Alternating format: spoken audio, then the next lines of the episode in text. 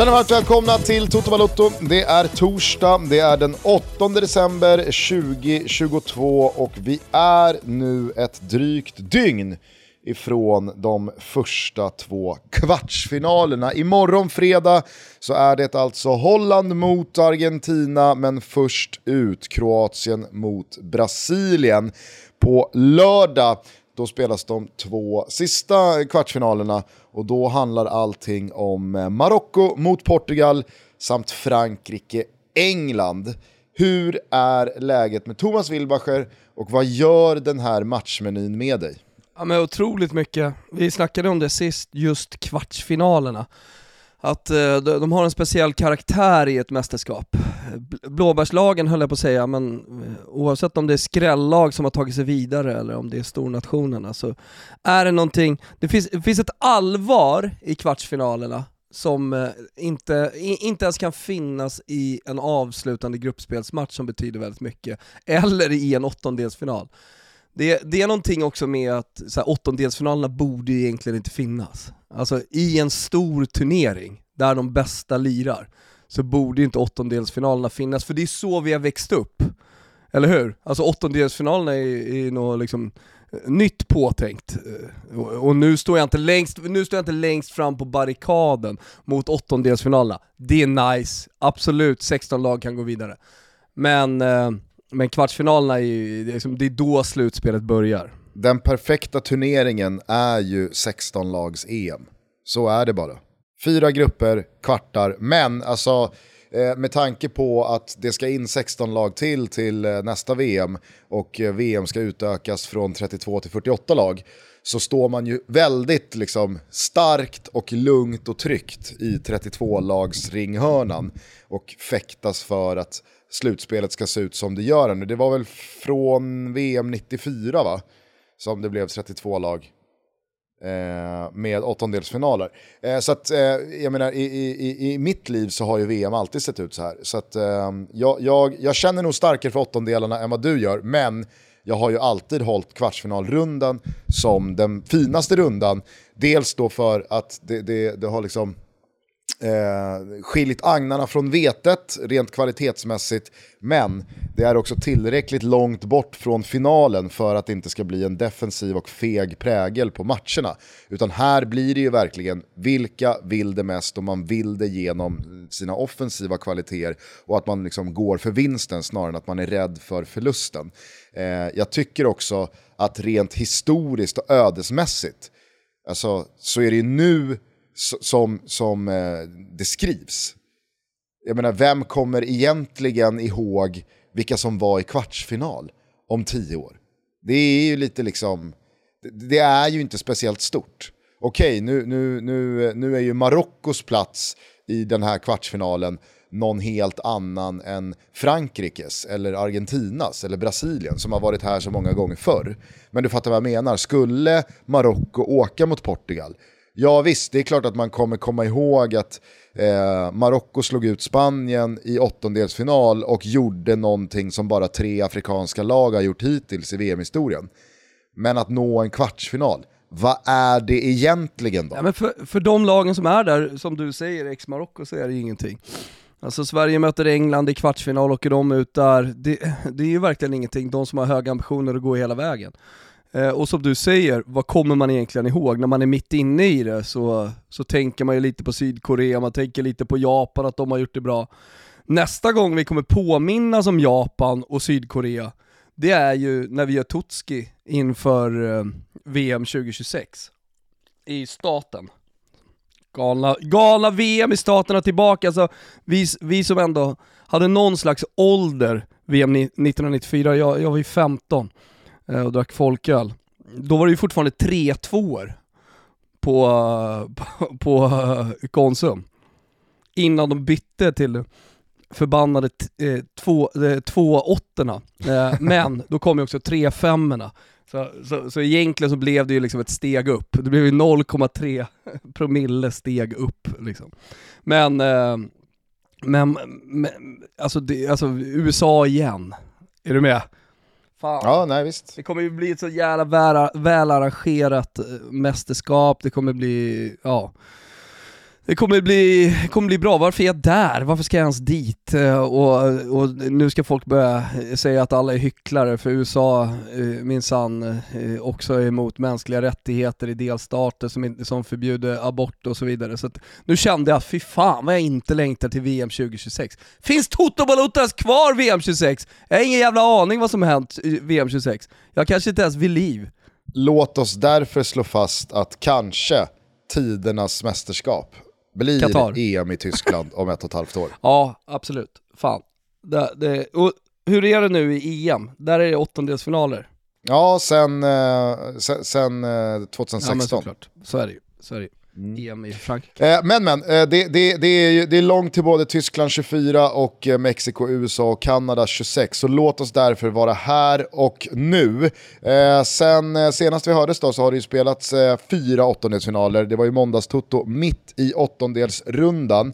Jag tänker att vi bara snabbt eh, tröskar oss igenom de här fyra matcherna eh, för lite reflektioner och eh, spaningar. Och börjar då med Japan-Kroatien. Japan hade ju eh, alla möjligheter i världen att faktiskt stå för ett helt eh, otroligt mästerskap oavsett då hur det hade gått i kvartsfinalen i och med att en gruppseger med Spanien och Tyskland i, i, eh, i skålen samt en åttondelsfinalseger mot silvermedaljörerna från eh, senaste eh, VM 2018 i åttondelsfinalen hade ju såklart varit... Det hade gjort dem till favoriter till guldet. Ja men det hade ju liksom så här, oavsett hur det hade gått i kvarten så hade det ju varit fog för högsta möjliga betyg men...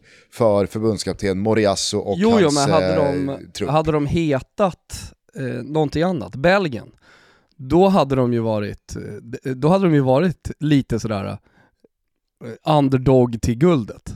Men eftersom de var Japan så, ah, ja. så, så hade man ju ändå räknat bort dem från en kvartsfinal mot ett bra landslag. Mm. Nej, verkligen. Och jag tycker faktiskt Japan är riktigt bra i den här matchen. Jag tycker Japan är det klart bättre laget än Kroatien. Jag tyckte Kroatien såg slitna och trötta ut och det är kanske inte så konstigt. Eh, de, de har ju ganska liksom, få bärande spelare som det vilas väldigt mycket vikt eh, på axlarna hos. Så jag tycker att eh, utan Brozovic lungor och kanske framförallt Guardiols jävla försvarsgeneralande längst bak, då, då löser ju eh, Japan det här. här Nej, det vill jag sannoliken inte. Men Guardiol gör ju ännu en otrolig match. Eh, och, eh, men de, de rider ju ut det. Perisic kliver fram med ännu ett viktigt mål. Det, jag, tycker, jag tycker det är så jävla märkligt med Ivan Perisic. För varje gång som man har högt ställda förväntningar på honom och man tänker att fan Perisic, alltså, han, är, han, är ändå, han är ändå jävligt liksom så här, bra, konsekvent och han kliver fram. Och när man har den hållningen gentemot Perisic in i ett par matcher så är han alltid en besvikelse. Och precis när man börjar liksom så här, när man börjar vända lite i Ivan Perisic-diskussionen, eh, då, då kommer det, då kommer det liksom en matchavgörande insats och så kommer en till och så är man tillbaka på ruta ett igen. Mm. Fascinerande spelare det där. Ja men han är fascinerande och också en förmåga att höja sig i eh, landslagströjan. Eh, alltså han är en av de spelarna. Sen är han liksom inte anfallare. Och han, han kanske inte alltid liksom sticker ut i de prestationerna eller den spelaren man tänker på, men han är ju definitivt den som, som har tatuerat eh, den kroatiska landslagströjan på torson så att säga. Jag undrar faktiskt om Ivan Perisic är någonting, alltså i, i form av position. Ja, den är också intressant. Alltså precis, han föddes, man, man kan tänka sig att han föddes ytter, men, men eh, ja, nog ska han hålla till på en kant. Eller det ska han ju göra liksom, springa, men han ser inte ut som den, den typiska kantspringaren heller, varken i kropp eller estetik. Nej men och han är ju också lite, tycker jag, för svag defensivt för att liksom användas för mycket som en wingback. Laget blir, ju, laget blir ju lidande defensivt av Perisic som wingback, tycker jag.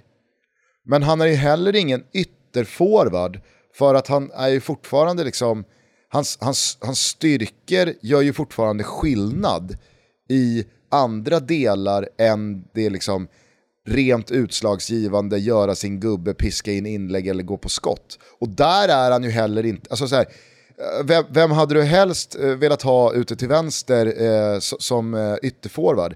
Eh, Ivan Perisic eller Vinicius Junior? Ja, det är väl klart att alla hade tagit Vinicius Junior. Nej, men, Eh, och det, det, det är ju en del, alltså spelartypen som du beskriver just nu, eh, har, har ju liksom dykt upp eh, med Trent Alexander-Arnold, som inte heller har sin styrka i, i defensiven. Nu är det en, liksom, han har andra kvaliteter än Ivan Perisic, så man ska inte jämföra dem rakt av, men jag tror folk förstår vad jag menar. Eh, du, du har Theo Hernandez också eh, han har blivit bättre defensivt ska jag ju säga, så han kommer nog fortsätta att bli bättre defensivt. Men, men har ju ändå spetsen. Jag ska inte säga bara styrka, men liksom så här, spetsen ändå i det offensiva när, när, när han är eh, alltså när han kommer på sina räder. Och jag menar de räderna kan ju, det, det jag gillar med honom, om du, om du då eh, jämför med Perisic och med eh, Trent Alexander-Arnold, två andra wingbacks så att säga, det jag gillar med honom, det, det är att han, han liksom bara kliver rätt in centralt. Alltså han kliver in från kanten, in i banan eh, på ett sätt med ett självförtroende som man typ aldrig skådat. Alltså han, han har ju Leaos självförtroende när han, ska ut, eh, när han ska utmana, men han har inte förmågan som Leao har med, med teknik, utan han har ju bara farten så att säga. Men, men det, är ändå, det är ändå med ett härligt jävla självförtroende han kliver in där i banan. Som om han vore ja, liksom, men, eh, jordens största dribbler.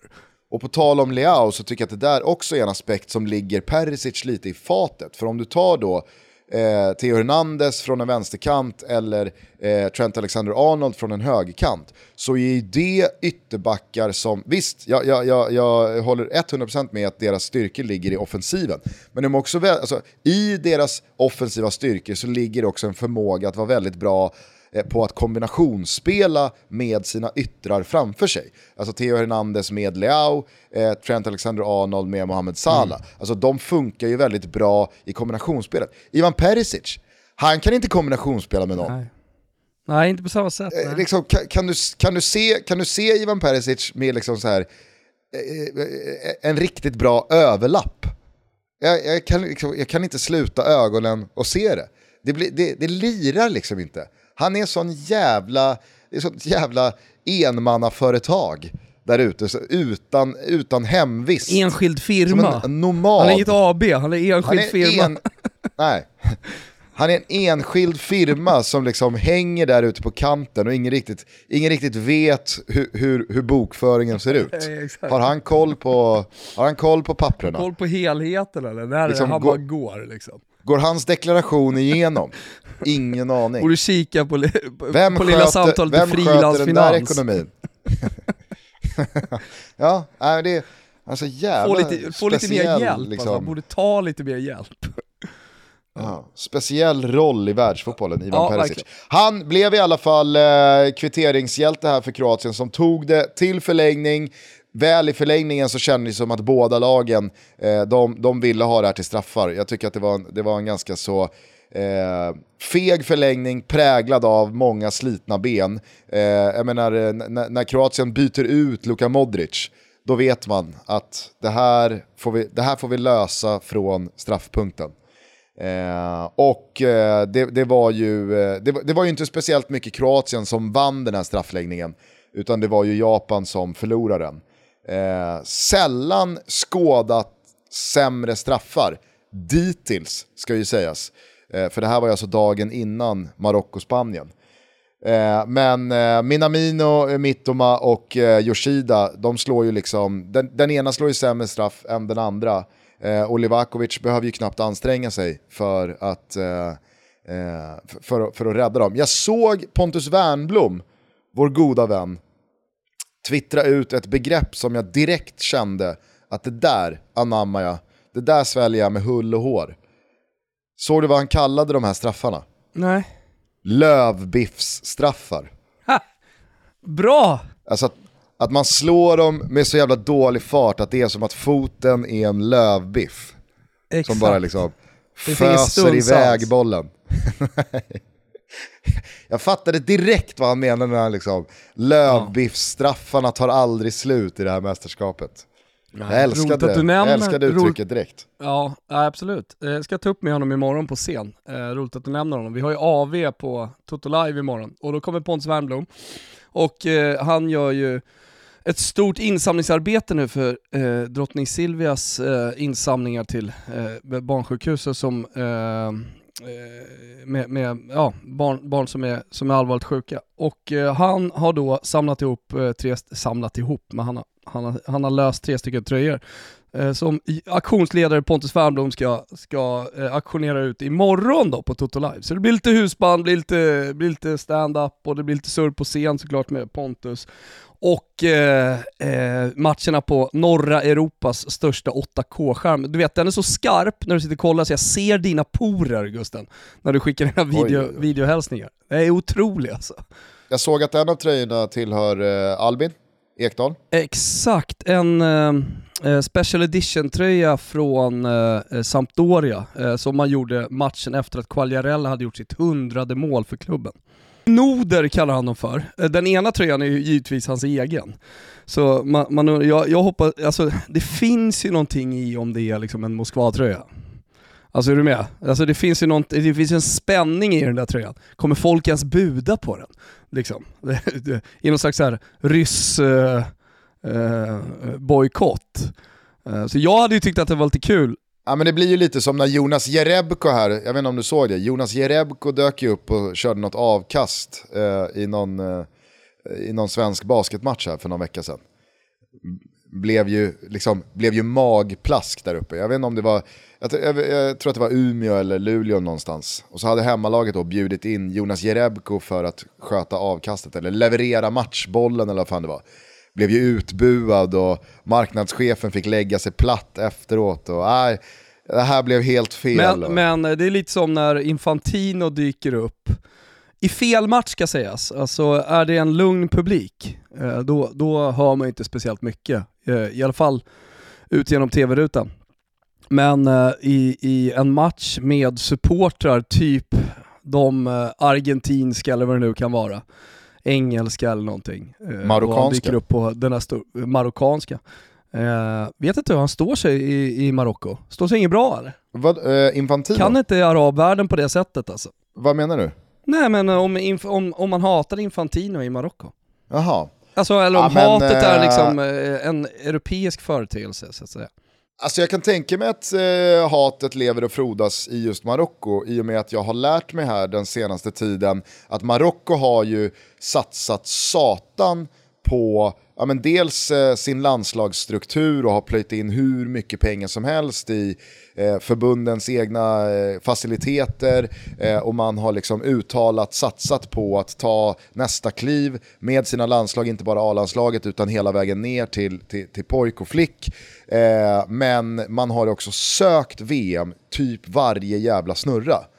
Eh, så jag kan tänka mig att från då eh, tiden med Sepp Blatter när man inte fick mästerskap så har väl det där spilt över nu på Infantino.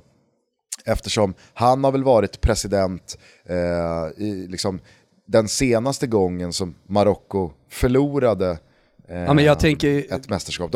Ja, jag, jag tänker ju annars liksom Eh, korruptionsmisstankarna eh, från VM 2018 där Marocko blev eh, totalt bortdömda. Ja, nej men eh, addera det så tror jag att vi landar i att vi nog kan känna oss ganska trygga i att Infantino inte är Marockos mest populära person. Han kommer inte vara julvärd i marockansk tv. Toto Valuto säger härliga festtider, vi säger härliga tider överlag, vi säger framförallt aktiva tider tillsammans med Björn Borg. De har ju nu precis lanserat deras julkollektion. Och med koden TOTOVALUTO20, TOTOVALUTO20 så får man 20% rabatt på alla fullpriser på björnborg.com. Är inte detta perfekt nu inför julen när man ska handla sina julklappar så vet jag inte vad! De har ju ett enormt sortiment av precis sånt som man vill ha. Träningskläder, underkläder, väskor, skor, accessoarer. Jag älskar ju deras kalsonger, men jag älskar inte bara deras kalsonger. Jag älskar deras träningskläder också. Det är snyggt att gå ner på gymmet, det är snyggt att gå ut i spåret, men det är också högsta kvalitutta på själva materialet så att man kan träna hårt och vara snygg samtidigt. Jag vet att det är många som är glada att vi har en kod just nu, så jag ska inte bli för långrandig. Gå in på björnborg.com Använd koden TOTOBALOTTO20, TOTOBALOTTO20 så får ni 20% rabatt. Vi säger stort tack till Björn Borg som är med och möjliggör Toto Balotto. Toto Balotto är sponsrade av Samsung TV. Skulle vilja prata lite lätt om Neo QLED. För jag tänker att det är många som lyssnar på den här podcasten som älskar gaming. Och för gamingfantasten är just Neo QLED-TVn precis det man vill ha. Bilden är snabb, det är viktigt, det vet jag att ni som lyssnar tycker. Det är också otroligt skarp bild med en massa dessutom smarta gamingfunktioner som bland annat reducerar att det laggar och att spelenheten levererar optimal bild i precis varje scen. Och jag går i god för att Neo QLED lyfter spelet till nästa nivå. Och som grädde på moset så har Samsungs alla TV från 2022 också cloud gaming. Och vad är nu det? Jo, du kan spela direkt i din TV utan konsol. Med ett abonnemang hos din eh, spelleverantör kan du med några enkla steg via appen ladda ner eh, molnbaserade spel direkt i TVn. Och så kan man då ansluta en kompatibel spelkontroll, logga in och sen bara sätta igång. Vi har det så här på kontoret, jag har det så i mina, två av mina döttrars rum och det funkar hur bra som helst. Vi närmar oss ju jul och då är det väl ett perfekt tillfälle med cloud gaming när vi har tid där hemma va? Neo QLED för gamingfantasterna. Kika in den här TVn eller någon annan TV eftersom Samsung har en TV för alla personer, alla behov och alla rum. Glöm heller inte bort en Samsung Soundbar. Ja men verkligen. Då får du ju den fulländade TV-upplevelsen. Låter det här intressant för er? Ja, jag tror det. Då går ni in på totobalutto.samsung.se och så kikar ni runt i deras breda tv-utbud och hittar en tv för just dig och det rummet dit du söker en tv. Vi säger stort tack till Samsung som är med och möjliggör Toto Balutto. Toto Balutto är sponsrade av Circle K och det är så jäkla roligt och det känns självklart. I synnerhet för mig som är på Circle K mer eller mindre varje dag. Och det som gör mig mest upprymd när jag är där, det som är liksom själva körsbäret på tårtan, det är när jag blippar bilen. Känslan av att bara rulla in, blipp säger appen! Och sen så klickar man bara in och jag har ju lagt in mitt eh, kort och sådär, så det är så enkelt. Lilla tutorialen här då, det är att man laddar ner appen Circle K Easy Fuel, skapar ett konto, reggar ett betalkort och så knappar man in sitt registreringsnummer. Så blir tanklingen precis sådär enkel, lättsam och smidig som jag förklarar här. Allting sköts ju automatiskt och det är det som är grejen. Från det att du rullar in med bilen till det att du är klar med tankningen och kvittot plingar in i appen. Det enda du behöver göra är alltså att ha mobilen antingen i fickan eller i bilen. Men nu har det faktiskt blivit ännu enklare, ja, kan man tänka sig. För har man platsnotiser på så är det bara att rulla fram till pumpen och tanka. Man behöver alltså inte ens godkänna i appen. Äh, men ni hör ju. De är fantastiska på Circle K. Och för dig som är medlem i Extra är det dessutom just nu, fram till 5 oktober, dubbel rabatt på varje liter när du blippar bilen. För som medlem i Extra har du alltid rabatt på varje liter oavsett hur du väljer att betala för din tankning. Men väljer du nu alltså att blippa bilen med EasyFuel-appen får du alltså dubbel rabatt fram till den 5 oktober. Det innebär att dina ordinarie 15 öre per liter nu blir 30 öre per liter. Ja, men ni fattar. Och som ny medlem får du 25 öre rabatt per liter under dina första tre månader, vilket innebär att den dubbla rabatten för dig blir 50 öre per liter. Mer info hittar du på circlek.se blippa bilen. Vi säger stort tack till Circle K för att ni är med och möjliggör Toto Balotto. Men du, vi var ju på straffarna i Marocko, det finns en jävla brygga över, du nämnde det också. Eh, alltså när, jag kommer inte ens ihåg om det var er studio eller om det var SVT studio, men det gjordes ju en stor poäng, jag tror att det var SVT, så det gjordes ju en stor poäng Uh, vad det gäller de här tusen straffarna som Luis Enrique hade då eh, sagt till sina spelare att de skulle slå inför VM, så att de skulle vara förberedda. Uh, och det handlar väl om att man uh, mekaniskt då skulle jobba in liksom hur man slår en straff. Och jag tänkte bara när jag hörde det där och det pratades om det där och experterna i studion fick liksom säga sitt om det och det var Eh, rakt igenom positivt, att åh, ja, men det är bra att ta det på allvar och, och, och så här, så tänker jag bara på liksom, men det går ju inte, det, det är som att träna en, men tänk dig själv Gusten, om du tränar en typ passningsövning eller du, du eh, tränar ett spel med passiv press, det vill säga att så här, du ska inte ta bollen, men du ska finnas där. Alltså det, kommer ju all, det, det funkar ju bara till en viss grad, men du kommer ju aldrig nå hela vägen fram till 100%. Eh, och det, det, det gäller ju också de här straffarna. Alltså du kan ju inte i något läge träna på att slå en straff eh, med de känslorna som är inblandade, för det är ju känslan som ställer till det snarare än det mekaniska tänker jag. Även om det, det finns väl någonting i det, men jag menar, är du 24 bast, spelar i Barcelona, Real Madrid eller något annat jävla topplag. Det mekaniska att slå en bredsida nära en stolpe, att sikta liksom på en nätmaska, alltså det har du gjort hela livet. Alltså att, eh, att precisionsskjuta så att säga, för det är ju det man gör när man slår straffar, det, det, det har hela tiden funnits med. Det har du övat på. Så jag vet inte hur mycket de här tusen straffarna skulle göra. Det du skulle behöva göra är att slå tusen straffar med eh, 750 miljoner tittare på TV och en fullsatt arena med vetskapen om att eh, liksom, ditt, ditt lands fotbollsöde vilar just nu på dina axlar. Jag, jag, jag, jag kände bara, det där är inte bra. Alltså det, är det inte bättre att bara inte snacka om det? Så när väl straffarna kommer, gå fram, antingen går eller så går det inte. Alltså om man gör en stor sak, jag tänker, tänker att det snarare är då negativt. För jag tänkte vad jag skulle ha sagt om jag hade suttit i den där studion.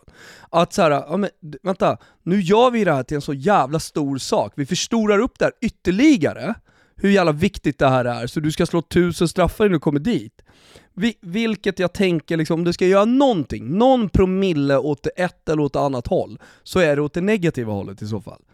Jo, men jag, jag, jag börjar landa i att liksom, vi nu borde ha lärt oss en gång för alla att allting när det kommer till att försöka liksom knäcka koden i straffsparksläggningar är eh, liksom, eh, till ondo. Det, det kommer inte gynna dig nu, nu, har, nu har väl alla försökt med allting och det enda jag på riktigt känner är liksom ett move där förbundskaptenen eller tränaren kan styra sitt eget lags öde i liksom en, inte nödvändigtvis positiv riktning, men i alla fall, vi har inget att förlora på det här. Det är ju movet att som Fanchal gjorde 2014, två minuter innan förlängningen är slut. Då byter han målvakt. Bara för att så här, fuck it, det spelar väl ingen roll om det är Silessen eller Tim Krul, Båda är liksom lika bra på att rädda straffar. Ish, jag vet att det handlar om procent där också. Men det är ju inte därför han byter målvakt, tror jag. Utan han gör ju det främst för att bara fucka med det andra lagets huvud. Som ett liksom powerplay att vänta nu, fan de bytte målvakt. Här kom, kommer in någon jävla straffexpert här nu. Alltså nu, nu står det något jävla monster här på linjen som, som, som vars enda uppgift är att eh, eh, rädda straffar. Det här är inte en åtgärd som jämt har funkat och som jämt kommer att funka. Men det har några gånger funkat. Men det det i alla fall aldrig har gjort är ju att liksom så här, ah, men det var det de förlorade straffsparksläggningen på. Alla andra försök, alla andra move från att liksom, ja, men vi ska slå tusen straffar var till att vi har strafflistan klar för oss och vi har tränat straffar på varje träning när man börjar prata om det. Eh, vi har försökt göra det så matchlikt som möjligt, man börjar liksom prata om hur man har byggt upp eh, insatser till straffar man har tränat på, jada jada jada.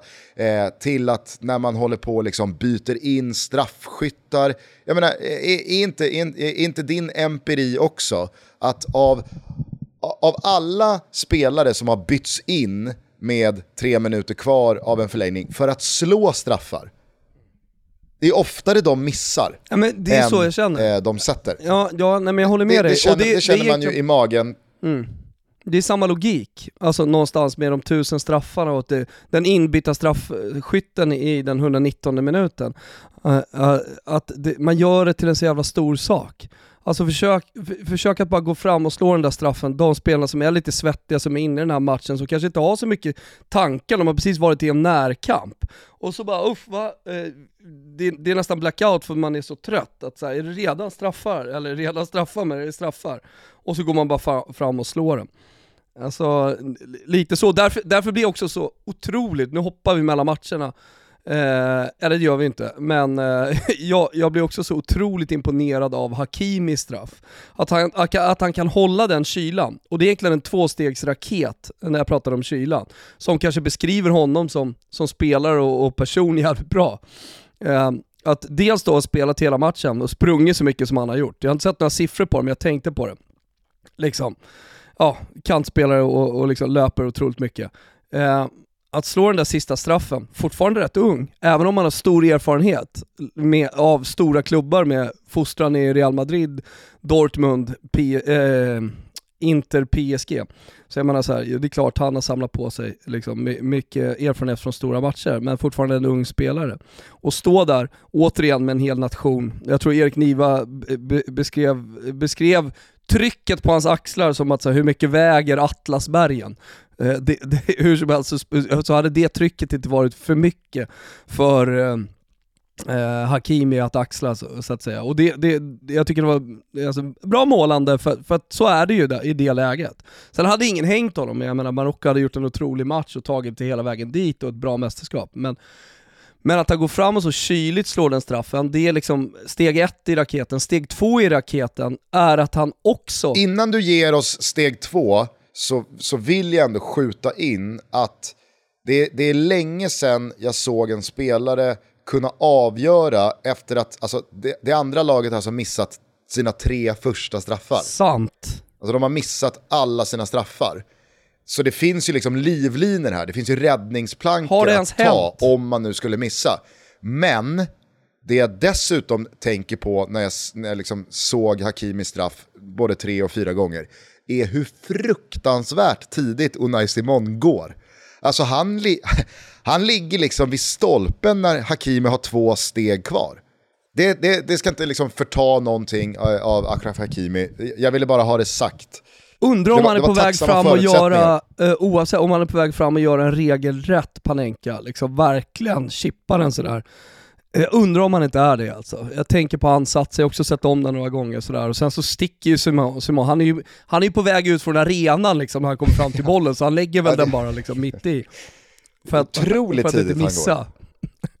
ja, han, han liksom förbi duscharna på väg till hotellet när, när, när bollen passerar mållinjen. Men, eh, nej men steg två i raketen då är ju, är när han eh, gör eh, målgesten som han och Sergio Ramos eh, har gjort i PSG. Deras, deras lilla egna verksamhet som de eh, har för sig. Så att det liksom är passning till honom som inte kom med i den spanska truppen.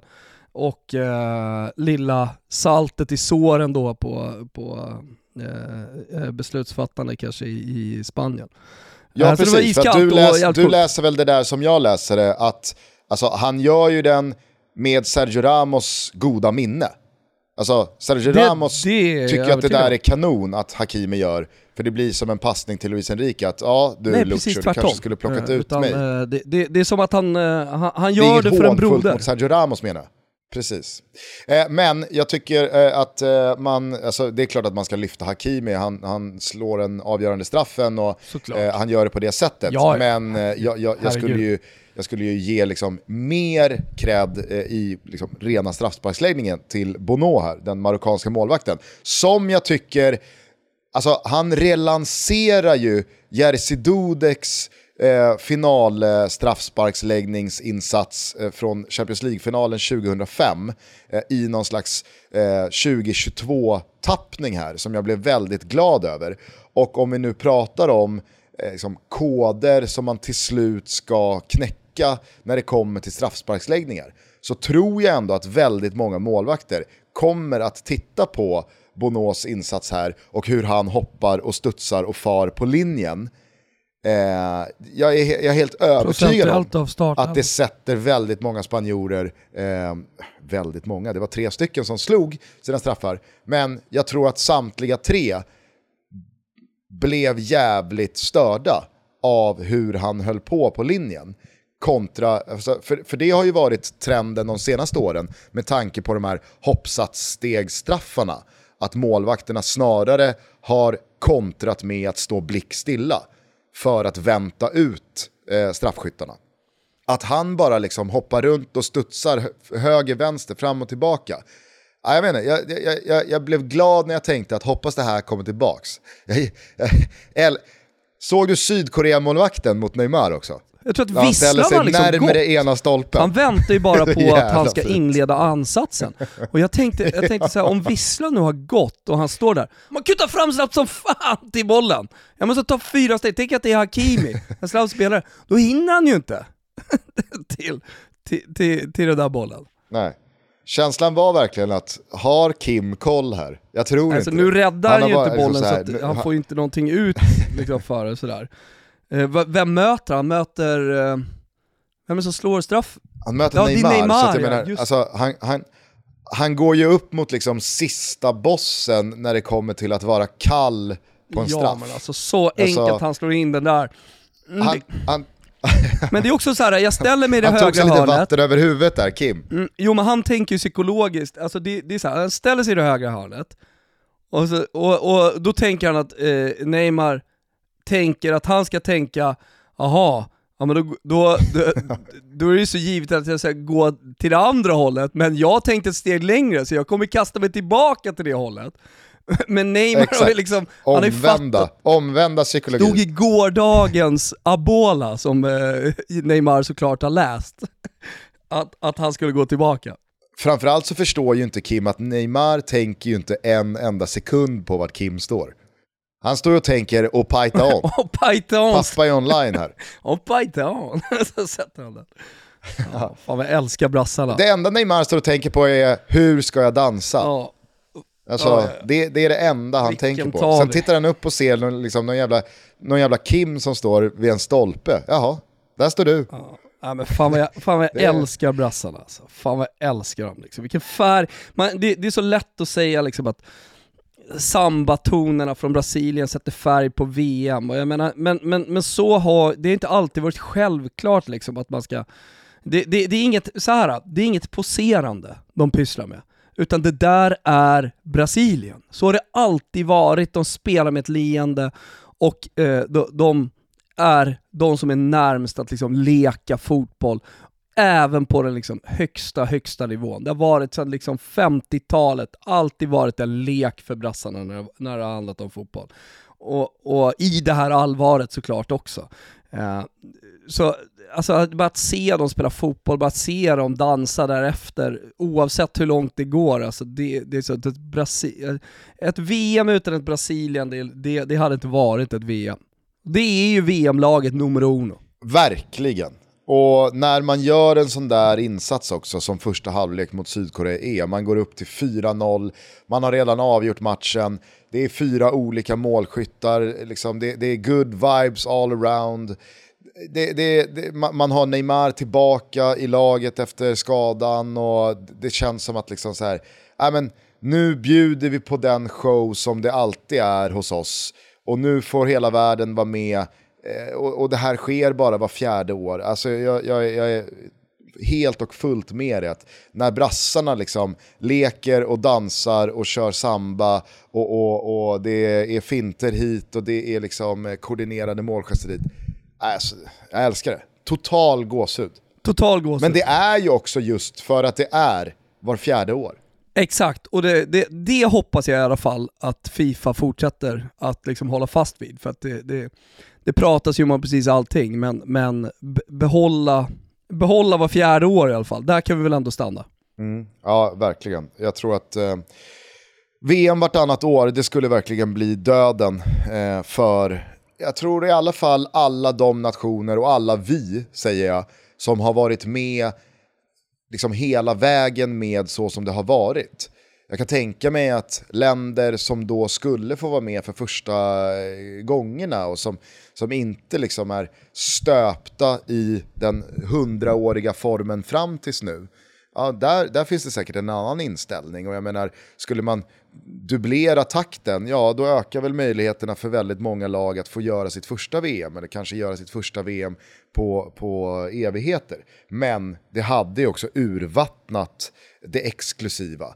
Eh, det, hade, det hade förtagit någonting av det här, att shit vad länge sedan det var man såg brassarna i ett VM leka fotboll och eh, bara ha kul. Det har ju varit väldigt många år här nu av ett hämmat Brasilien som, ja, minus då starten på hemma-VM 2014, när Neymar liksom flyger och de vinner den där premiären mot Kroatien och, och de, de, liksom, de, de får fart. Men det är ju bara några matcher, sen håller man ju på att ryka mot Chile och sen så skadar sig Neymar mot Colombia och sen så är det ju bara liksom eh, tragik därefter. Eh, och, och i VM eh, innan dess, 2010, så är det också liksom, det, det, det är en mörk upplaga när det kommer till just det här brassarna dansar och ler. Eh, så det är ju det är, det är jävligt länge sedan man blev bortskämd med ett sånt här brasilianskt landslag. Ja men det var länge sedan man blev förtrollad, eller hur? Exakt. Jag tycker det är jävligt sällan i dagens fotboll man blir det också. Alltså, det, det, det känns nästan lite sagolikt att se Brasilien spela fotboll. Eh, det, det, det, känns som svunna tider lite grann. Det känns som ett, det, att kolla på Brasilien nu känns som ett VM för väldigt länge sedan. Sambatonerna som inte spelas, men man kan ändå höra dem när man ser dem spela fotboll. Ja, verkligen. Eh, sen vet jag inte, bara en detalj från ett av de här målen, eh, jag vet inte om du tänkte på det, men Richarlisons mål är ju otroligt på alla sätt och vis. Alltså att det är ett klapp-klapp-spel och det är väl eh, Thiago Silva och Marquinhos, eller om det är Thiago Silva och Danilo, jag vet inte vilka det är som, är, liksom, som slår de där passningarna som Ja, det, är inte, det, är, det är inte många försvarsspelare eh, i, i, eh, i fotbollsvärlden som, som har den spelförståelsen och tekniken att kunna spela liksom på tredje spelare in i straffområdet. Men sekvensen innan den här liksom väggspelskombinationen, när Richarlison tar ner bollen på huvudet och balanserar bollen på huvudet, har inte den sekvensen fått väldigt lite speltid i liksom eftermälet på målet? Nej men verkligen, bra. Alltså, det, det, det är också ett VM-ögonblick som jag definitivt, jag har tänkt på det, där, det där kommer jag komma ihåg. Ja. Det är också lekfullheten, eller hur? Det, det, vi är ju där då, i, i det som är DNA. Det är så långt ifrån liksom fjädж, spjutspetsen, eh, som har liksom, ja men för mig i alla fall, varit ansiktet Faktiskt. utåt för det deppiga Brasilien. Ja men helt klart. Alltså, 2-0 Brasilien utan en enda överstegsfint. Nej men eh, exakt. Så att, nej, jag, men, blev, jag blev väldigt glad ju, av, ju, av den där första halvleken. Ja, nej men just det där med liksom ett Brasilien som har spelare på alla positioner som är, som är svinbra.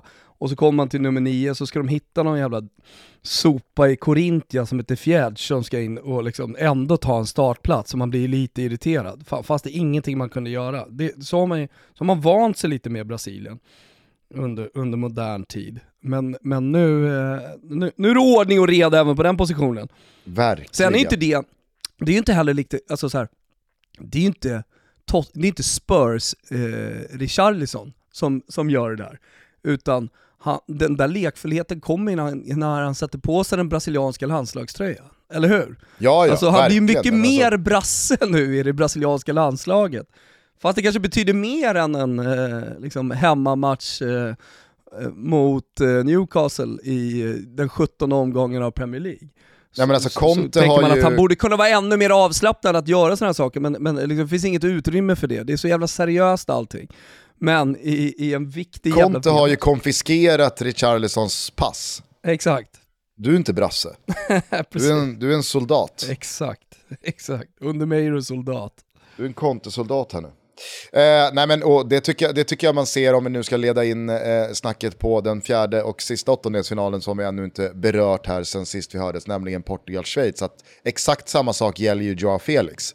Alltså, den spelare som drar på sig den portugisiska landslagströjan kontra den spelare som sitter liksom eh, i, i en tvångströja hos eh, Diego Simeone i Atletico Madrid. Det är ju som natt och dag. Alltså, jag tycker att eh, man i de här matcherna, och i synnerhet i Schweiz-matchen här, alltså man ser ju på Joao Felix vilken jävla spelare det är alltså. Ja, och man kan ju då också förstå liksom laguttagningen, för att vi var ju några som höjde våra röster när Leao inte fick spela. Det är klart att det går att ställa om det där, det, liksom fyran framåt eller vad man ska kalla det, och eh, liksom behålla Jao Felix och hitta plats för även för Leao. Men men eh, det är också svårt att göra när, när eh, Gomes nu är den som tar eh, Cristiano Ronaldos plats. Alltså hade man kanske kunnat hitta plats åt eh, Leao där. Eh, nu, nu har han inte det alternativet, så han är en ersättare till Jao Felix, eller hur? Ja, framförallt. Alltså, framförallt. Ja, men, men det jag, går jag, jag, tror nog att det finns plats, jag tror nog att det finns plats för båda, men som du säger, när, när startelvan kom mot eh, Ghana i premiären, så tänkte man, ah, okej, okay, Fernando Santos väljer en Joao Felix som är helt ur slag framför Rafael som är i sitt livsform. Ja men exakt, och, och eh, det, det, det, var inte bara, det var inte bara liksom vi, det var ju många som tyckte att det var eh, ett konstigt val, men med facit i hand så går det, går det, går det inte att lasta honom för någonting, utan eh, det har varit ett bra val. Jag menar, för att, för att vara lite Erik Hamrensk då, eh, alltså slutelvan, finns ju ändå där. Alltså det finns ju någon slags logik i det ändå. Alltså, han, han har en Leao som är fräsch att sätta in. Låt säga att Portugal ligger under i kvartsfinalen med 20 minuter, eller 25 minuter, eller 30 minuter kvar. Har du Gusten, tre? Ja. Även om det gick lite snabbare. Um, så, så, så är det också alltså det är en spelare att ha, som, som är en tillgång så att säga på bänken och komma in mot en trött försvarare. Så, så att det kanske, kanske finns en tanke i det också om man, om, om, man, om, man, um, om man tänker lite längre, jag vet inte. Han är väl som allra bäst att slänga in när, eh, när, när man leder med ett mål. Ja men exakt, exakt. Och jag och Felix kanske är bättre att starta då, så det, det, nej, han, han har gjort alla rätt, helt klart. Ja, nej men, eh, och, och det, det, måste man ju verkligen säga, även fast jag tycker att det var ganska tydligt att Schweiz som spelat väldigt mycket samma lag eh, under hela gruppspelet, eh, gått runt på ganska få spelare, inte haft möjligheten att rotera i någon tredje gruppspelsrunda. Eh, de såg, tycker jag, ganska trötta och slitna ut. Bortsett Brilan Bolo, vilken jävla oxe alltså. Han såg fan starkare ut än någonsin.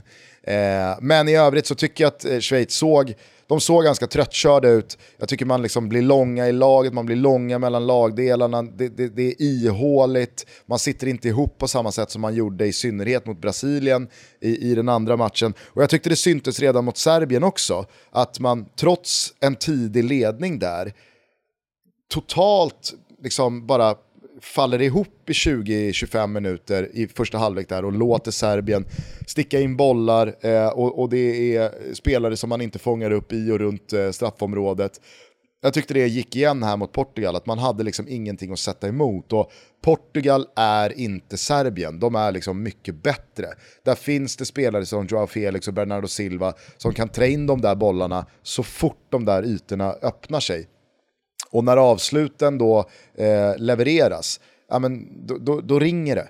Alltså, och, och när 1-0 gjordes, alltså då, då, visste man ju att det här kommer bli en, det här kommer bli en ganska stor seger för Portugal. För nu måste Schweiz öppna upp sig ännu mer på de här trötta benen. Och det finns noll och ingenting att slänga in från den där bänken. Alltså, Seferovic måste vara, liksom, det måste vara den slöaste kniven som finns i, liksom mästerskapslådorna. Eh, alltså det, det, går inte för honom. Det, det, alltså när motståndarna ser att Seferovic börjar dra av sig, då, då vet man ju. Så, då var det klart. Vi har vunnit. Ja, ja men där har du tecknat. Otroligt trött. Nu, nu är det över. det är liksom tap out. Vi, vi sätter in Seferovic. Ja. Så han har gjort mycket bra för det schweiziska landslaget, det, det, ska fan sägas. Jag vet inte om han har det, jag vet inte om han har det. Jo men det har ja, han, han har gjort jo, stora absolut. mål vi, vi, vi, ska så, vi, ska såklart, vi ska såklart inte prata Haris Seferovic. Jag ville bara säga det han kring Schweiz, mål. för det var verkligen liksom, det var verkligen någonting jag kände eh, spelade en stor roll i den här eh, bekväma och komfortabla segern för Portugal. Men allting handlade ju såklart om Fernando Santos och Cristiano Ronaldo här. Alltså, kan du minnas senast du liksom hajade till av en sån här laguttagning? Nej, det kan jag inte göra. Jag kan, jag kan inte heller göra det. Alltså det, det, har, väl, det har väl aldrig skett? Men det, det, alltså du och jag som, äh, som äh, gillar spel och, och sådär, sitter ju, sitter ju hela tiden inför varje Champions League-omgång, har gjort så i många, många år och, och liksom väntar in startelvor. Eh, på den tiden när de inte offentliggjordes eh, liksom exakt en timme innan start av eh, officiella Twitterkonton och sånt där, så var ju det ett sätt att arbeta på, eh, att, att hitta informationskällor för varje lag. Man hade sina lokala journalister som släppte timmen innan liksom, för att få startelvor bekräftade, liksom, för mig hela vägen ner till Serie B. Eh, så just det här, det här, timmen innan, att få tag på startelvor, har ändå varit en grej för mig. Så när du säger det, så borde jag ju ha ett minne, eftersom, eftersom just alltså för mig och för dig är det kanske viktigare än alla som lyssnar på den här podcasten, eller många som lyssnar på den här podcasten och har varit under lång tid. Jag tänker att jag borde kunna komma ihåg någonting, uh, men uh, nej, det gör jag fan inte. Men å andra sidan, hur ofta ja, just, står man just i en sån mästerskapssammanhang också. Mm. just i mästerskapssammanhang när det kommer till ett landslags stora stjärna, då blir det ganska lätt att gå igenom liksom så här, eh, minnesbanken. Zlatan har aldrig petats, eh, Messi har aldrig petats, eh, Cristiano Ronaldo har aldrig petats. Tänk att det kan ha hänt i en fransk landslagselva någon gång, men det har det inte gjort heller väl? Nej, och där finns ju heller inte riktigt liksom så här en spelare som sticker ut, eh, som höjer Nej. sig så mycket över mängden Nej. i stjärnstatus. Nej. Alltså Lewandowski har aldrig petats Nej. i skarpt läge för Polen. Gareth Bale har aldrig petats i skarpt läge för Wales. Alltså, jag, jag, jag, jag, jag eh, ser gärna att våra lyssnare eh, kom, kommer här eh, med eh, ett liksom, korrekt eh, motbud. Ett bra motbud vill jag vi menar, ha. Neymar, Neymar ska väl nämnas här också, har aldrig petats. Nej, utan bara Eh. varit borta på grund av skada. Men, men, eh, eller så här, att någon har gått en kamp mot klockan för att spela, det, det, det är inte samma sak. Här, utan, däremot så läste jag en av våra Eh, fantastiska lyssnares eh, DM på Instagram. Eh, Simon Wallfridsson heter han. Tja Thomas, hade varit intressant om du i nästa avsnitt kunde bolla upp med Gusten att TV4 var den enda media, som han i alla fall hade läst, som körde ganska seriöst på att Ronaldo vilades i senaste matchen. Mycket snack om hårt matchande och att han skulle vara fräsch sista 30. Skriver han. Och eh, alltså, jag, jag hörde inte er prata om det Eh, i, i den här matchen av förklarliga anledningar. Men Eh, va, alltså blev det en diskussion, pratade ni om det på plats, ni, ni, ni som arbetar? Har det skrivits om det? För att jag har i alla fall helt missat det. Eh, speciellt också med tanke på efterspelet, att det kommer rykten om att han inte har valt att eh, eh, träna tillsammans med reserverna, utan har istället då hängt med startelvan som eh, gjorde rehabarbete i gymmet och, och ja men du vet, blandat sådär. Eh, sen har ju såklart förbundskapten gått ut och sagt att Eh, det, det, det är ingen ko på isen, allting är lugnt. Eh, eh, och det, det är ju, alltså oavsett vad som är sanningen här och oavsett hur liksom, stämningen är i truppen kring Cristiano Ronaldo så, så är ju det givet att förbundskaptenen går ut och, och liksom lugnar ner här nu, för han vill inte ha en situation, men den får han ju oavsett. Men han vill i alla fall försöka hålla laget lugnt. Eh, Men eh, har du, har, har- är det någonting man pratar om? Alltså är det här en vinkel som vi borde ta upp? Nej, men det, det, det jag tror att han eh, refererar till då var ju att jag och Olof var ju ganska mycket i sändning från inneplan precis när startelverna kom och det här bekräftades att han inte fanns med.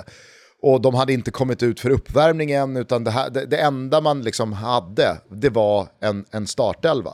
Och då, då frågade jag Olof, jag lyfte liksom tanken att kan det, kan det finnas en möjlighet här tror du att man liksom i samråd med Cristiano Ronaldo har eh, tänkt att äh, men, eh, frågan är om det, liksom så här, det, det, kanske är en, eh, det, det kanske är en taktisk plan som vi båda står bakom här. Att trötta ut Schweiz en timme och sen så har du en halvtimme att komma in 30-35 minuter. Eh, och att det, är liksom så här, att, i, i, att det fanns ett, ett samförstånd då mellan Fernando Santos och Cristiano Ronaldo. För jag stod ju där och tänkte att så här, ska Fernando Santos på riktigt ha petat Cristiano Ronaldo mot hans vilja i en slutspelsmatch i hans sista VM. Superrimligt att den Alltså det- tanken snurrar tycker jag. Ja, för det är ju på en nivå som vi precis konstaterat. Det, man kan inte liksom dra sig till minnes någonting som ens är i närheten av liknande. Och då tänkte jag bara att så här, men jag, jag, jag, jag, jag, jag känner i alla fall på tanken att det här måste ha gjorts i något slags, eller att det, det kanske har gjorts i något slags eh, samförstånd. Men sen så blev ju det med all önskvärd tydlighet eh, klarlagt att eh, men, så, så ligger det ju inte till.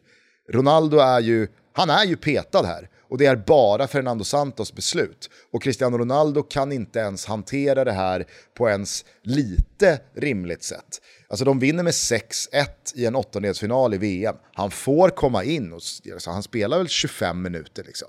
Ändå så går han och pliktskyldigt tackar den portugisiska kortsidan och sen så kliver han bara rakt ner i tunneln och ser ut som eh, de har åkt ut eh, ur turneringen.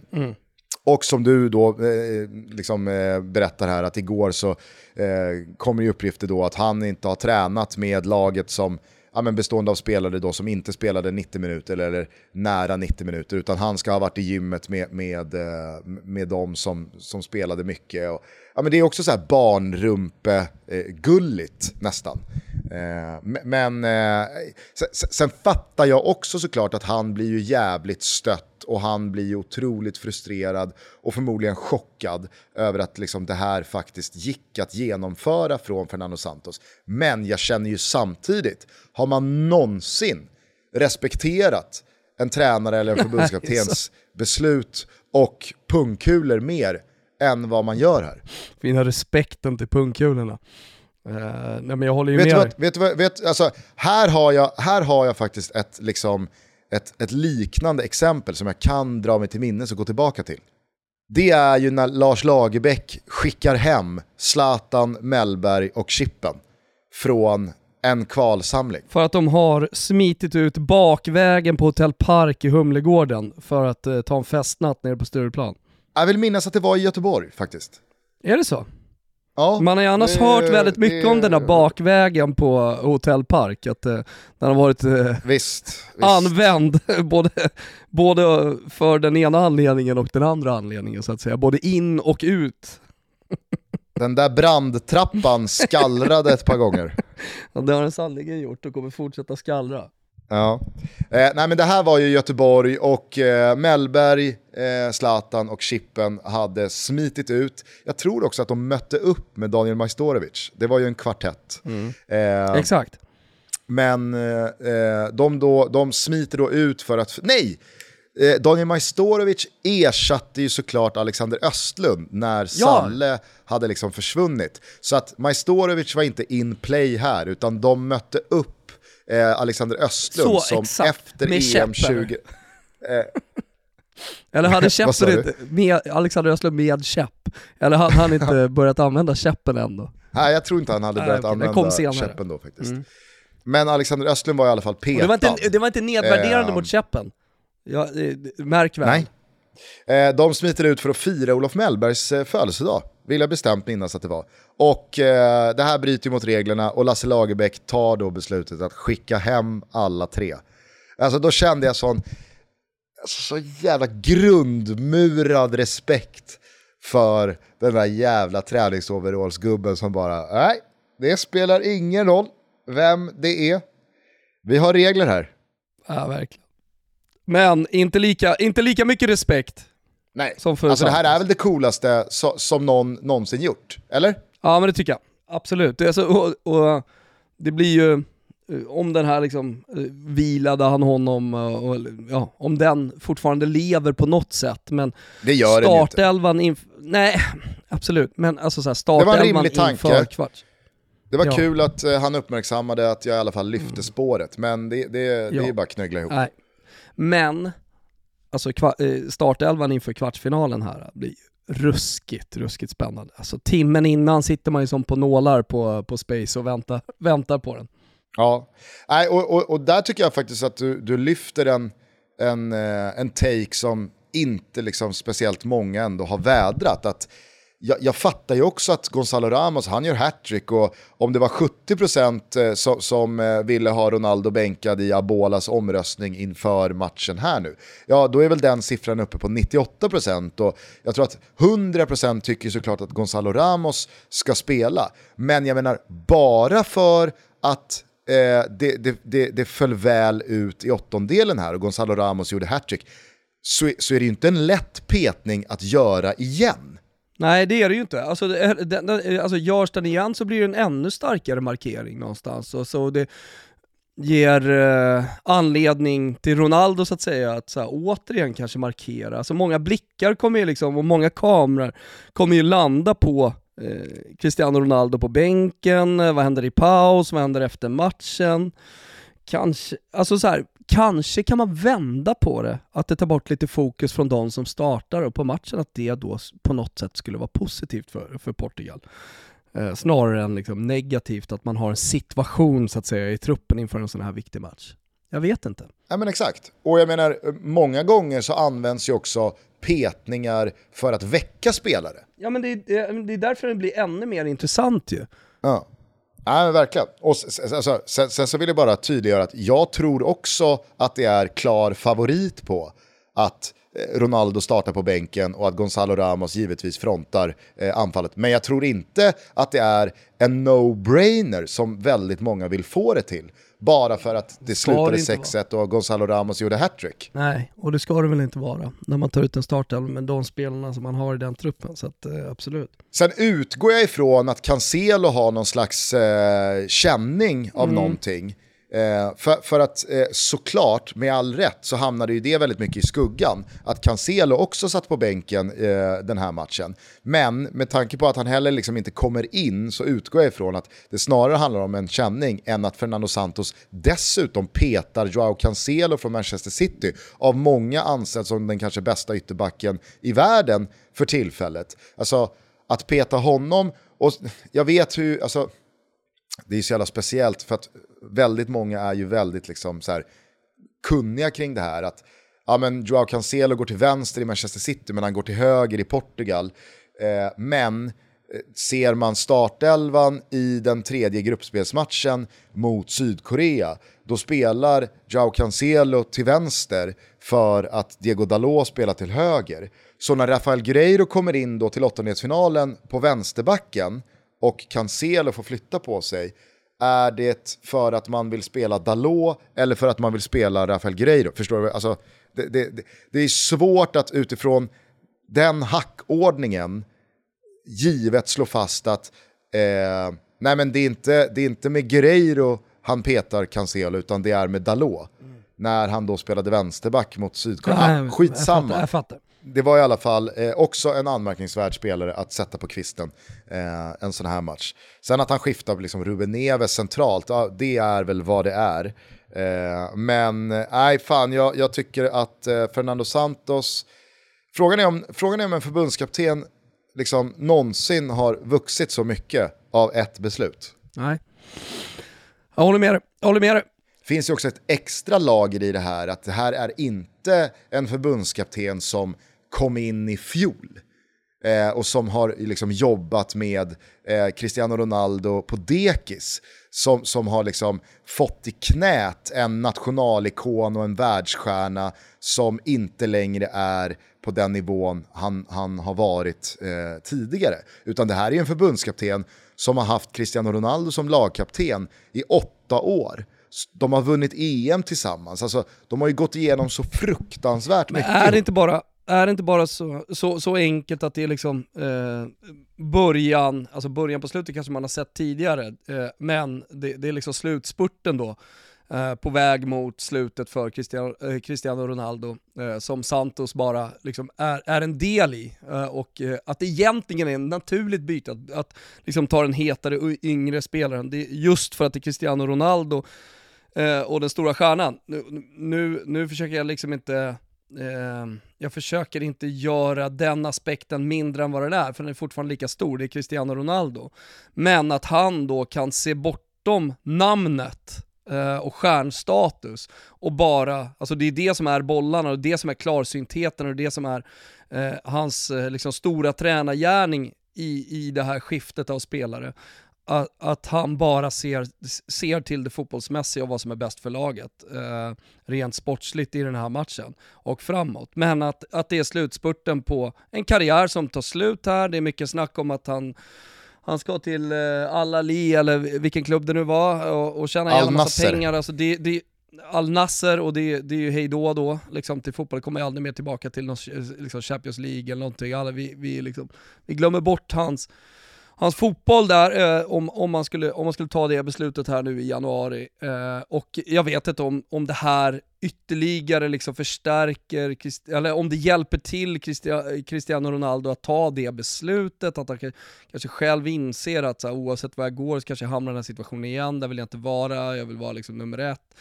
Uh, men, men, det, men att det är någon slags slutspurt här nu att, och att liksom det vi ser nu, och det hade varit mycket mycket härligare att kunna då uh, få, få liksom en, någon slags romantik, nå någonting fint i att Portugal går hela vägen eh, till en final, eh, Cristiano Ronaldo hoppar in och gör, eh, liksom, gör, gör mål och, och får lyfta en VM-buckla. Förstår du vad jag menar? Om man skulle prata det perfekta Cristiano Ronaldo fotbollsslutet. Eh, men eh, men att det är i alla fall, att det, det, det är ju hur slutet perfekt hade det slutet varit då om han hade fått lyfta den där bucklan som petad för första gången genom slutspelet. Och liksom så här, ah, han gjorde fyra inhopp, han gjorde inga mål. Han fick förvisso lyfta bucklan och han kommer liksom så här, då ha vunnit det VM som Messi aldrig vann. Men på vilket sätt gjorde han då? Alltså hur perfekt är det slutet? Mm. Ja men precis. Och med det någonstans, det skriver han ju också själv tänker jag. Alltså, fan acceptera det här läget bara. Alltså gör det snyggt. Alltså, han, han, han har ju en möjlighet här nu i kvartsfinalen, om han nu bänkas. Han har ju en möjlighet att skriva det här slutet på ett jävligt, jävligt mycket snyggare sätt. Passa på i intervjuer, passa på i ditt kroppsspråk och allting. Ah, uh, för, för det är snart över liksom gör, gör, gör, gör det värdigt Cristiano Ronaldo. Jag vill bara flika in att jag utesluter inte att Ronaldo liksom, i sitt huvud satsar mot EM 24. Alltså, när jag nåddes av uppgifterna, det är väl klart att man hajade till kring lönen. Men det var snarare kontraktslängden jag liksom fastnade för. Två och ett halvt år. Ska Cristiano Ronaldo skriva ett två och ett halvt års kontrakt med ett och ett halvt år till EM utan att sikta på EM. När han dessutom är så oerhört liksom besatt av landslagsmålen och nu i kvartsfinalen här mot Marocko så kommer han ju tangera den här snubben från Kuwait som har gjort flest eh, A-landskamper någonsin på här sidan. Alltså, jag, jag, jag, jag ser ju 100% rimligheten i att Portugal förmodligen byter förbundskapten efter det här mästerskapet, lite oavsett hur det går från och med nu. Det kommer in någon ny och då har, liksom, då har redan Fernando Santos rivit muren. Han har redan dragit plåstret kring att eh, Cristiano Ronaldo är faktiskt inte eh, opetningsbar. Det går att vinna landskamper även utan honom. Så jag kan tänka mig att kommer in en ny förbundskapten, då kanske det också innebär slutet för Cristiano Ronaldo i landslaget. Vare sig han vill fortsätta eller inte. Men jag tänker som sagt att i hans värld, med ett och ett halvt år kvar till ännu ett mästerskap, om han nu skriver på ett nytt kontrakt som ska gälla över den tiden. Alltså jävla svårt att tro att Cristiano Ronaldo inte då skulle liksom gå för EM. Även fast han då förmodligen bara kommer vara ännu sämre och vara en ännu större belastning för det portugisiska landslaget. Så verkar han ju som du är inne på, han verkar ju inte, alltså, han verkar ju inte förstå det själv. Vi får väl se om han eh, startar, förmodligen kommer han inte starta, eh, men det blir i alla fall otroligt spännande att uh, se den där startelvan en timme innan. Jag kommer i alla fall sitta som på nålar där på där på Space, nu är, när, när spelar Portugal, spelar de på lördag eller? Yes, tidiga matchen lördag, 16.00 svensk tid, så avslutas lördagskvällen med Frankrike-England. Hur ser, hur ser sändningsdagarna ut för er här? Ni, får, ni gör lilla skiftet va? SVT fredag och eh, TV4 Simor lördag. Eh, så att eh, vi, har vars, vi har varsin kvartsfinaldag. Toto Balotto är sponsrade av Mantle. Och vad är nu det? Jo, det är det svenska hudvårdsvarumärket som tagit CBD eller CBD till Skandinavien. Jag säger CBD för det är så stort borta i typ Kalifornien. Alla använder det. Och nu har det alltså jag vet att vissa vet vad det här redan är som lyssnar på spotten, men nu har det kommit till Sverige. De har också snabbt blivit den nya stjärnan inom hudvård med deras prisbelönta premiumsortiment. Kort om CBD och eh, Mantle CBD eh, så är det så att det är av högsta kvalitet och potens. Det är handplockat och kallpressat i Schweiz. Ja, men ni hör ju, detta är kvalitet av absolut högsta nivå. Testa alla som har flickvänner där hemma, eller till tjejkompisar. Och säg bara att Toto Balutto, ah, de är tydligen sponsrade av Mantle och där får man nu eh, rabatt. Testa säg det till dem och se reaktionen. Eller så säger ni ingenting. Eller så tar ni bara upp det lite lätt och ledigt. Så får ni se hur de reagerar. Jag lovar er. Här jobbar vi en riktig årets julklapp. Om du köper Mantle till din tjej så kommer hon att bli glad. Sen kan det ju så att inte bara kanske till eh, din flickvän, din fru, utan kanske också till syrran. Och ska jag slå ett slag för en produkt, alltså en julklapp. Ska jag tipsa lite eller? Ja, men då vill jag tipsa om Holiday Kits på deras hemsida. För det är ju inte lätt att veta vad personen vill ha och därför tycker jag att det är klockrent att Mantle redan har skapat olika kit att välja på. Med koden hur som helst TOTOVALOTTO så får ni 5% extra rabatt på ert köp. Detta innebär att kitten som redan är rabatterade blir ännu mer prisvärda. Det finns också en gift quiz på Mantles hemsida och för de som vill vara lite mindre kreativa men ändå skämma bort eh, någon man eh, verkligen tycker om så erbjuder Mantle det traditionella presentkortet. Ah, det är väl inte så jäkla konstigt. Va? Det är väl kanon? Gå in på hallomantle.se. Vi säger stort tack att ni är med och möjliggör Toto Balutto. Toto Balutto är sponsrade av Flowlife. Känner ni till Flowlife? Jag tänker de som har varit med ett tag gör det säkert. De gör ju återhämtnings och massageprodukter i världsklass för alla med deras marknadsledande produkter som till exempel Flowgun, som säkert några har hemma. De har också fått utmärkelser i ett flertal sådana här bäst i testundersökningar. Och om inte det vore nog då för att eh, verkligen gå i god för deras produkter så sponsrar de också flertalet allsvenska fotbollsklubbar som eh, bland annat eh, AIK, Djurgården och guldmedaljörerna Häcken. Jag älskar deras Flow Pillow. Den är eh, otroligt skön. Så värme, lite massage och sådär som man kan ha i nacken när man ligger... Eh, ja, men det kommer ju sådana tider nu med jul och sånt. Men deras Flow Feet, alltså en fotmassage, den är helt otrolig. När den trycker på i hålfoten ja, då mår man i alla fall efter. Det är bra tryck i grejerna. Eh, jag tänker att Flowlife, Flow Pillow, Flow Gun, Flow Feet och så vidare, även deras eh, träningsredskap, är grymma julklappar. Så kika in på flowlife.com. Där har de just nu en massa fina deals. Så in på flowlife.com. Vi säger stort tack till er. Eh, jag skulle bara, eftersom vi nu har passerat timmen, så vill jag bara liksom, innan vi avslutar hinna med och fråga dig hur du, hur du tänker och tror och resonerar här eh, kring kvartarna. Ska jag, ska jag bara liksom, kort fråga dig, eh, Holland-Argentina? Nej, jag tycker det är en jätteöppen match. Eh, se, alltså inte sett till hur matchbilden kommer vara, utan eh, alltså snudd på 50-50. Alltså med, kanske minifavorit då på att Messi spelar i Argentina. Eh, men, men, det är ju någonting med att Argentina fortfarande inte har briljerat fullt ut. Fullt ut alltså, de, de har inte övertygat jättemycket i spelet, men å andra sidan så är jag den första att predika lidelse och, och, att eh, spara sina stora prestationer eh, så länge man bara kan i ett långt mästerskap eller i en turnering. Och eh, jag tror absolut att Argentina har en, har en stor prestation att plocka fram i en kvartsfinal, om de skulle vinna den, tror jag de har ännu större prestation att plocka fram i en semifinal.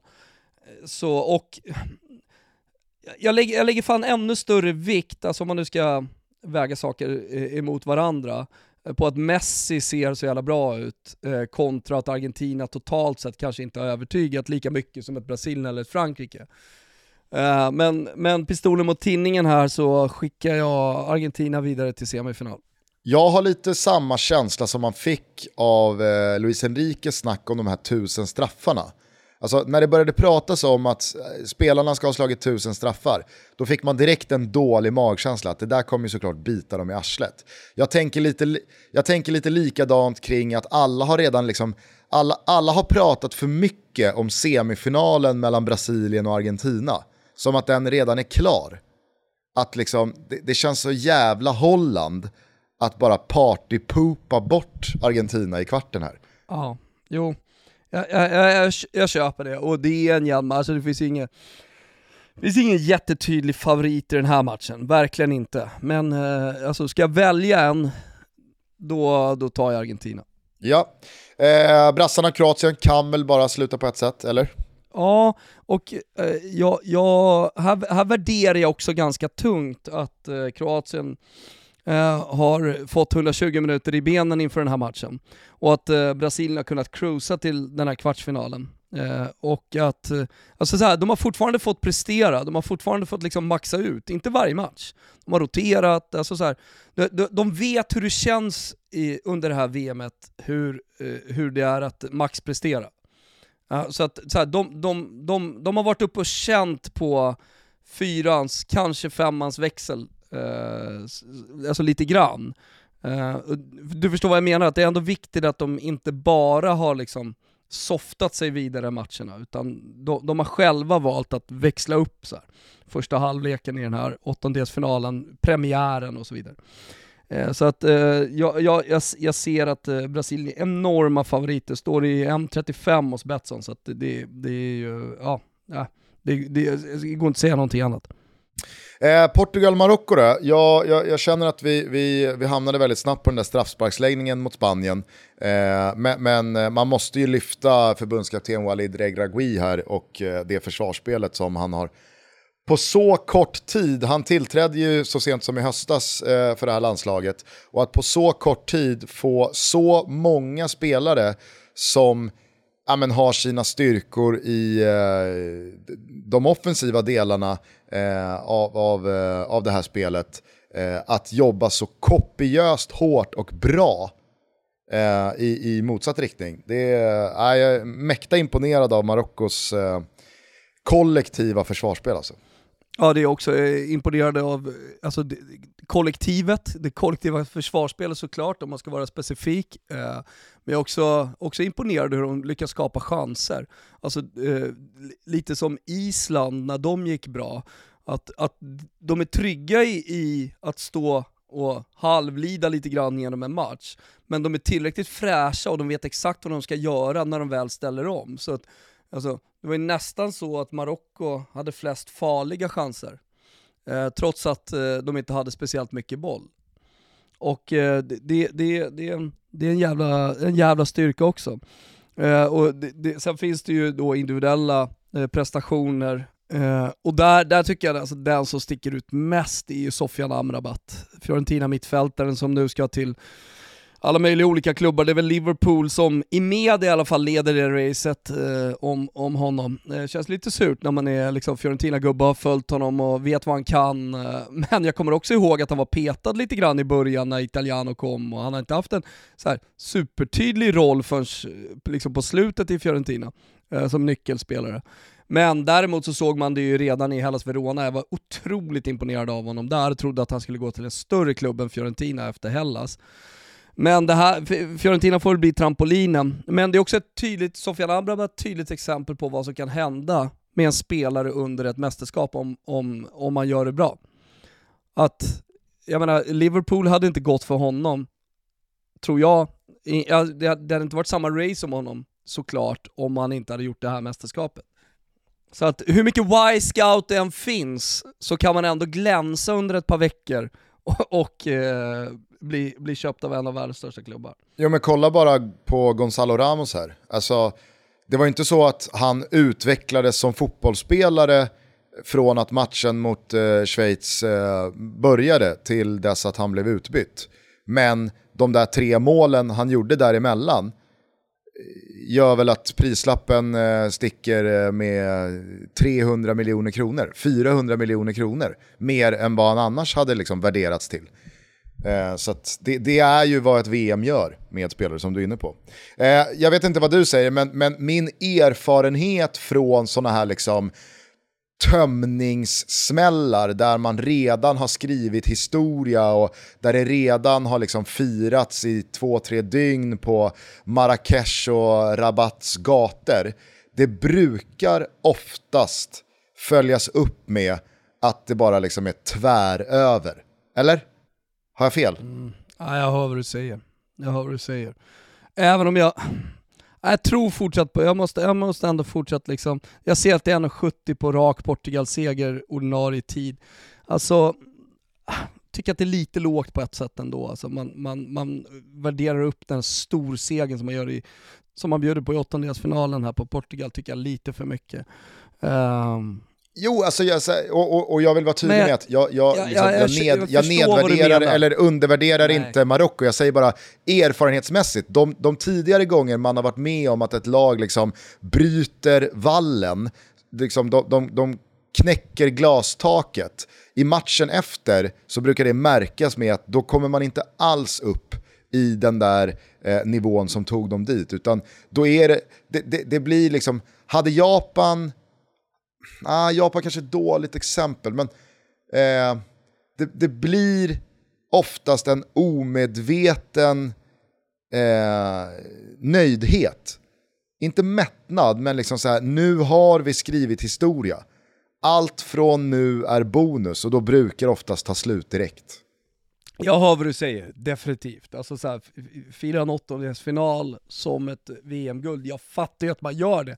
Och det är med all rätt, de har aldrig gått så här långt i ett VM, herregud. Men det finns också, eh, det finns, finns också en eh, entusiasmvåg att rida på här, som man heller inte ska underskatta. Även om jag såklart också, precis som du, eh, lutar åt att det, det, det, det kanske går åt andra hållet. Finns ju också en hyfsad entusiasmvåg i Portugal. Så att... Absolut, absolut. Eh, avslutningsvis bara, eh, måste jag säga, jag, jag tror att Frankrike-England blir turneringens match. Jag är så sjukt peppad på den eh, kvartsfinalen. Eh, inte bara för liksom, lagen här och nu och hur de har sett ut hittills, inte minst framåt, men också för att jag under min livstid aldrig har fått uppleva Frankrike mot England i ett VM. Just det, ja, det är ju en poäng. Nej, jag ser jättemycket, alltså, det, är, det är en helt jävla otrolig match alltså. Fy fan, och svår. Alltså Frankrike är såklart lite favoriter på förhand, eh, men det kan gå, kan, kan gå precis åt vilket håll som helst. Alltså, det är nästan så att jag lutar lite åt lilla England-spelet här. Jag vet inte varför, men, men det är någon magkänsla jag har bara. Ja, men jag är lite inne på att Frankrike inte riktigt har testats än bakåt. Jag tycker att det har varit liksom lite halvsvajigt. Alltså man, man börjar skakigt mot Australien, eh, mot, mot Danmark så tycker jag att man lever farligt i andra halvlek där när man slappnar av lite efter 1-0. Danskarna kan ju lika gärna göra 2-1 där. Eh, och jag tycker att liksom Danmark, som hade uppenbara problem mot både Australien och Tunisien, ändå liksom sårar Frankrike ganska mycket. Eh, Polen bryter sig tillbaka liksom in, i, eh, in i den där matchen eh, i första halvlek eh, så länge det står 0-0 och har ju ett par lägen att ta ledningen. Jag menar, det, det är någon, någonting som ligger, ligger och gnager i med att fan, Frankrike, hur bra är de egentligen defensivt? Mm. Ja, men jag, jag köper det. Eh, sen är det så jävla svårt att tala, snacka bort Frankrike. Jag förstår, eh, alltså, det, det bidrar ju också, det du säger, utan att jag har formulerat det själv. Eh, inte ens i tanken, men när du säger det, det, det har nog det, det, det, hjälper till att jag får lite Englands feeling i den här matchen. Sen är det ju jättejämnt och det kommer avgöras av situationer, det kommer avgöras av en briljant dribbling, det kommer avgöras av, av ett misstag. Eh, så, ja, jättejämnt, otrolig match. Ser här nu, jag vill bara kasta in innan, innan du liksom börjar någon slags slutplädering på det här avsnittet. Eh, en, eh, en, ett par fraser som eh, Regragui har sagt på presskonferensen om det spanska landslaget, jag vet inte om det nådde dig också. Men lilla snitsen i alla fall. Tycker det är härligt att man kan sticka ut hakan lite och tycka om fotboll även när man sitter på ett presskonferenspodie i ett VM. Eh, Spanien spelar en så jävla tråkig fotboll. Eh, det här eh, ball possession, eh, den spanska ball possession, den, den, den tråkar ut och är direkt skadlig för publiken. det är fan snitsel på det alltså. Ett skott på mål, 74% possess och palla. Avgå. Vad var det för eh, tröja han tryckte upp där redan, redan för många år sedan, Christian Borell? Contro tiki-taka. Contro tiki-taka. Otrolig. Kom ju två tappningar, tiki-taka is dead kom ju också, så vi hade två t-shirts. Just det. Just det. ska fan bära med stolthet om jag hittar den.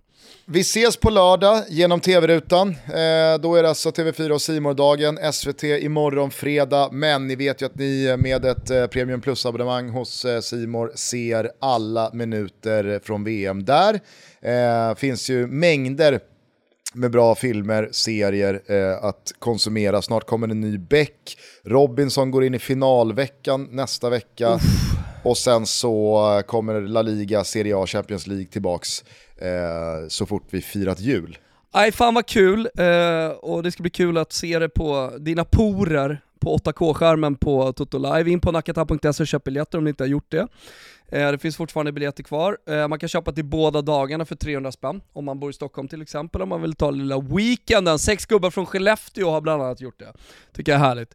Eh, men ni eh, som eh, inte kan vara där, eller på att säga, alldeles oavsett om ni är där eller i Qatar eller vad, ni är, kan vara med och tävla om snygga Pepsi Max-grejer på vår Instagram där vi har en eh, liten julkalender.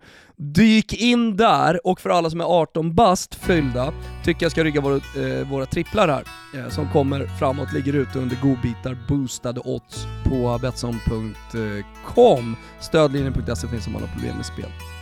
Hörni, vi eh, hörs igen på eh, måndag. Då tar vi ner de här eh, kvartsfinalerna och börjar blicka mot semifinalerna som då spelas tisdag, onsdag. Eh, sen så är det alltså bronsmatchen lördag och finalen nästa söndag som återstår av detta världsmästerskap. Eh, sen är det slut. Det går så jävla fort när man har roligt. Eh, men nu njuter vi av kvartsfinalerna, vi tar hand om varandra och sen så eh, lyssnar vi till eh, några härliga toner som superproducent Kim Wirsén redan har börjat rulla här. Eh, och så säger vi så. Det gör vi. Ciao tutti. Ciao tutti.